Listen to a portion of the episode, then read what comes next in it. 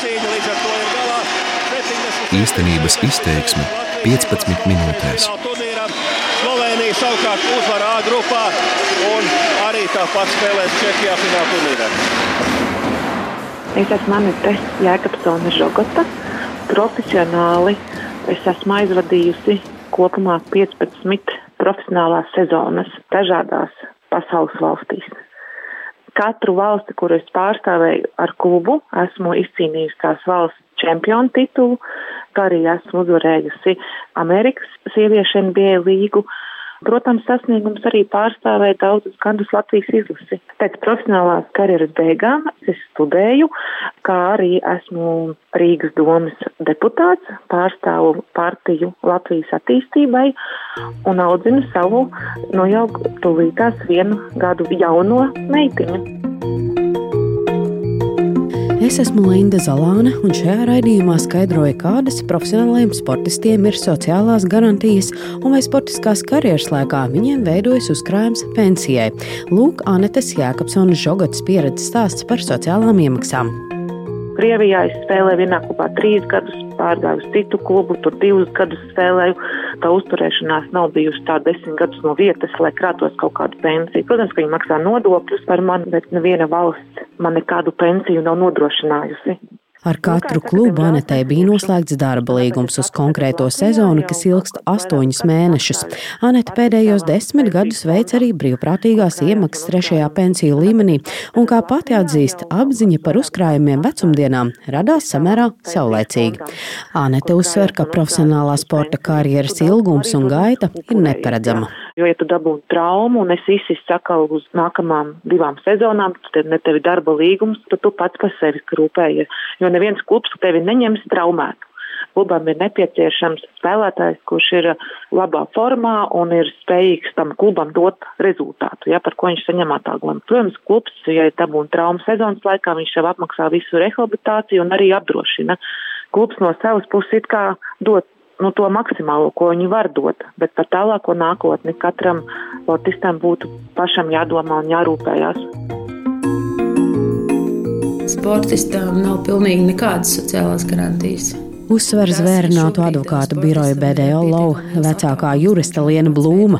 Viņa padziļināti analizējusi profesionālo sportistu nodarbinātības problēmu Latvijā, un viņas secinājums nav iepriecinošs profesionāli sportisti ir atalgoti pietiekami labi, viņi dzīvo labi, un neviens nedomā par to, kas notiks ar viņiem tad, kad viņiem būs uh, pensijas vecums. Problēma ir uh, vienkārši ļoti nepiemērotā regulējumā šobrīd Latvijā. Ja. Patiesībā profesionāla sportistu nodarbinātību regulē viens pāns sporta likumā, kurš nosaka, ka profesionāls sportists uh, ir sportists, kas ir nodarbināts uz darba līguma pamata. Viss punkts.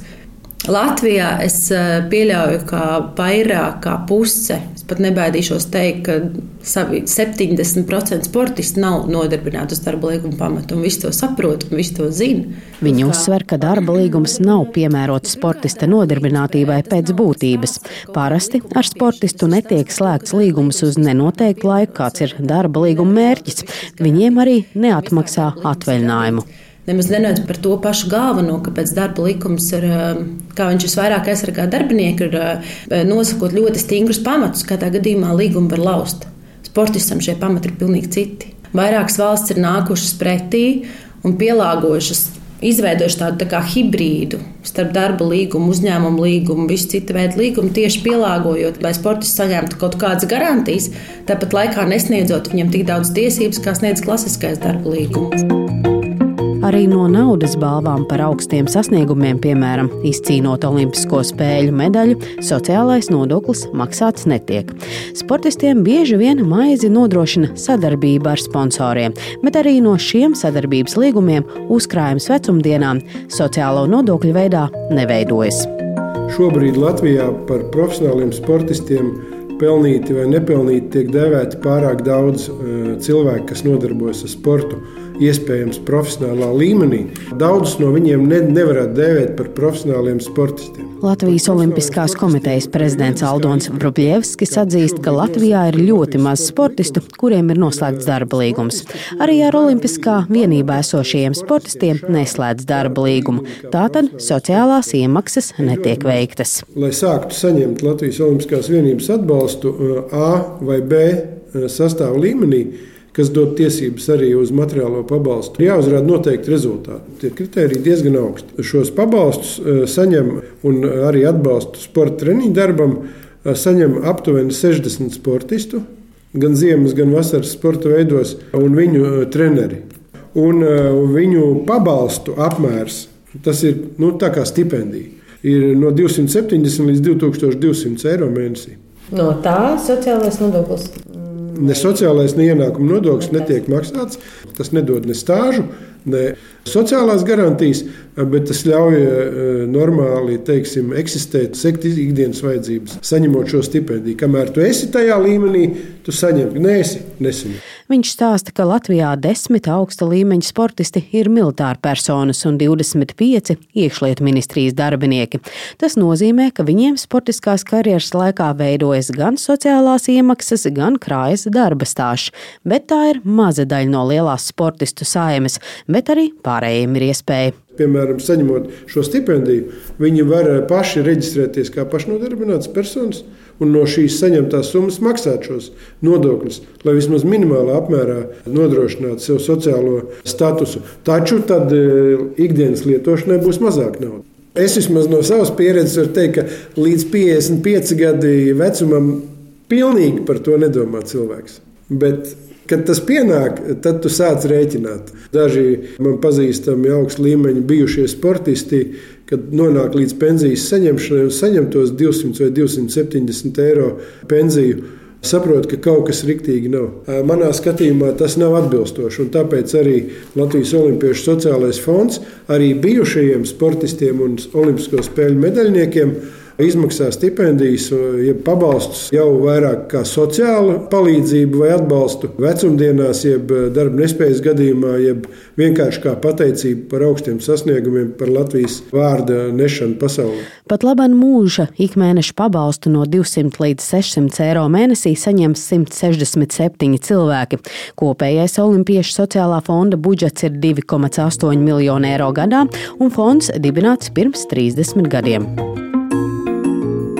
Tā kā mums, kā tādai sabiedriskai organizācijai, mums darba attiecības nav ne ar vienu viegli atlietu. Līdz ar to jautājums, teiksim, cik viņi ir sociāli aizsargāti, kāds viņiem ir status, vai viņi kāds strādā vai nestrādā, mēs to pat nezinām. Latvijas Vieglatlētikas Savienības prezidents Arnis Laksdiņš uzsver, ka sportists teorētiski var lūgt, lai no sociālā fonda neizmaksā pilnu pabalstu summu un kādu daļu novirs pensijas uzkrājumam.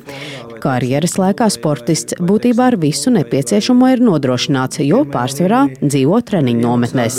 Ir valsts noteiktā kārtība, kādā veidā viņam apmaksā tos ēdināšanas izdevumus. Viņš ir paēdis, ir saģērbts, ir lidmašīnas biļets viņam, ir viņš lai savā sporta karjerā tādā veidā ir nodrošināts, bet teiksim, tas nav varbūt tās nodrošinājums eh, nākotnē. Tikai tie, kas eh, izcīna medaļas un iegūst balvas, naudas balvas, tie, teiksim, zināmā mērā, tad viņi ir izvēles priekšā. Viņi var novirzīt eh, sociālās iemaksās tās summas, kuras viņi saņem. Valsts sociālās apdrošināšanas aģentūras vecākā eksperte Aiva Zīrāka stāsta, ka pēdējos divus gadus likums paredz, ka profesionāliem sportistiem, ar kuriem tiek slēgts darba līgums, valsts sociālās apdrošināšanas obligāto iemaksu apmērs ir 860 eiro. Ja iemaksas ir mazākas par šo summu, tad starpību no saviem līdzekļiem veids darba devējs. Turpina Aiva Zīrāka. 18. gadā reģistrēta apdrošinātās personas kā profesionālie sportisti bija 119. 19. gada statistika rāda, ka tie ir 215. Pienākumi var atšķirties no iemaksu objektu. Piemēram, ja paskatāmies 18. gadu, tad no 119 reģistrētām personām 61% ienākumi bija mazāki par 860 eiro.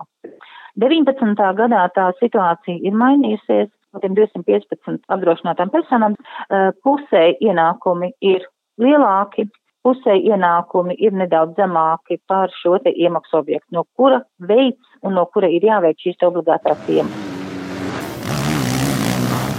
Mani sauc Kaspars Stultos, esmu četrkārtais pasaules čempions, pieskārtais viču čempions, divas bronzas medaļas.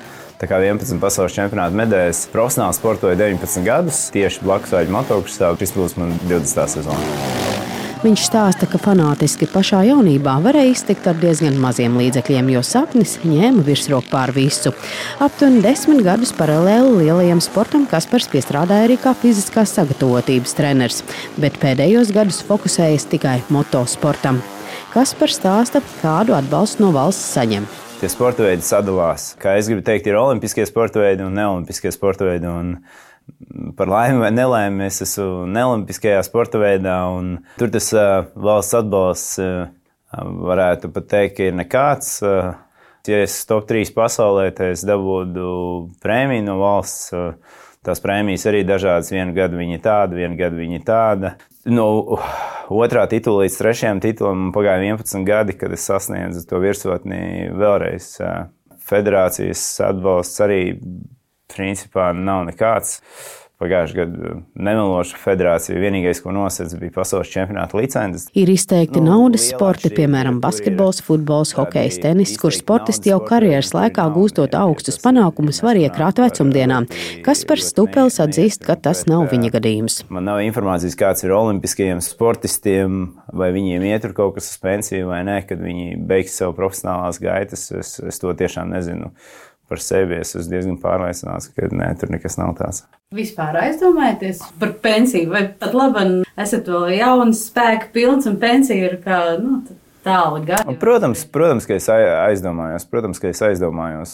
Tad atkal tās domas mainās. Tu esi jauns, cik ilgi tu nodzīvos, vai tu nodzīvos tos pensijas gadus vai nē. Un tad tāda dilēma, ja jau tas viss tik stabili un tik apjomīgi, tad jau, protams, tu pats vari tur iemaksāt un visu kaut ko darīt. Bet, ja tev tiešām ir bijuši gadi, kad tev jācīnās teiksim, no nogriežņa līdz nogrieznim ar, ar finansējumu, tad, ko tu vēl vari izdarīt. Tad dari vismaz to pamatdarbu, vismaz sakārtot to savu ikdienu.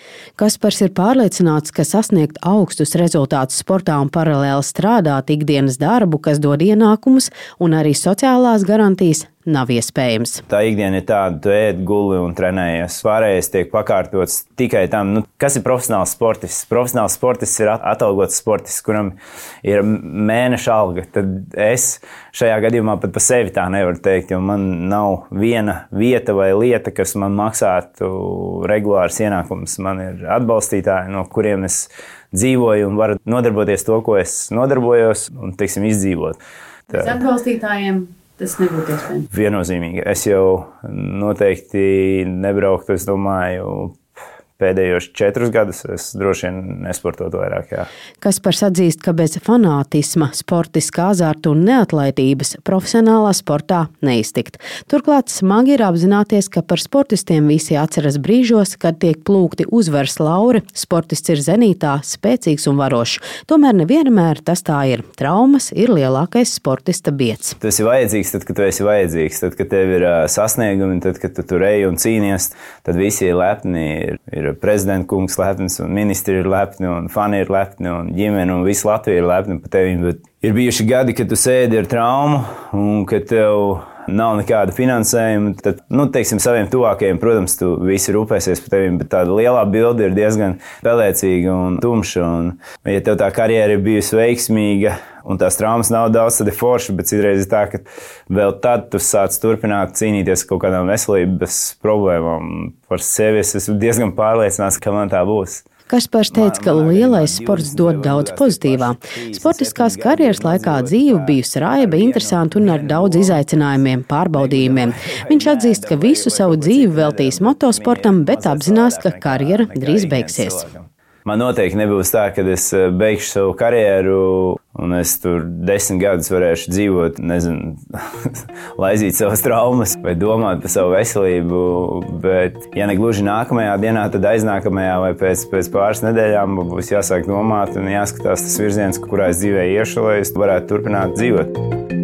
Liena Blūme uzsver, ka būtu vērtīgi, ja profesionāliem sportistiem uzsākot karjeru, kāds sniegtu padomu nodokļu jautājumos, iedotu sava veida ceļkarti. īpaši tiem jauniem puišiem, 18, 19, 20 gadu, un izstāstīt, ko viņiem darīt ar to nodokļu režīmu, kā viņi var veidot uzkrājumus, kas ir visi tie pensiju līmeņi. Es domāju, ka ļoti saulēcīgi sportistam ir tāda karta jāiedod, kas ir tad, ja viņš, piemēram, nodarbināts Eiropas Savienībā, kas ir tad, ja trešajās valstīs. Viņas prāt, tas ir pamata pamats, kas būtu sporta institūcijām jāveic, nevis tikai jāatzinas pēc augstiem sasniegumiem. Arī Anete Jēkabsone Žogota min labos piemērus, kā finanšu jautājumos palīdzīgu roku sportistiem sniedz citās valstīs kas ir Amerikā labi, un arī Francijā, ka tur, piemēram, ir tādi konsultanti tieši par finansēm, kas izglīto sportistus. Viņi nāk pie tevis un runā, pasaka arī par nākotni, pasaka, kas ir sports un profesionāls sports, ka tas nav visu mūžu, ka vienā dienā viņš beigsies un kas tad, pēc jārūpējās jau laicīgi par savām finansēm un nevis jātērē, bet vairāk jāiegulda.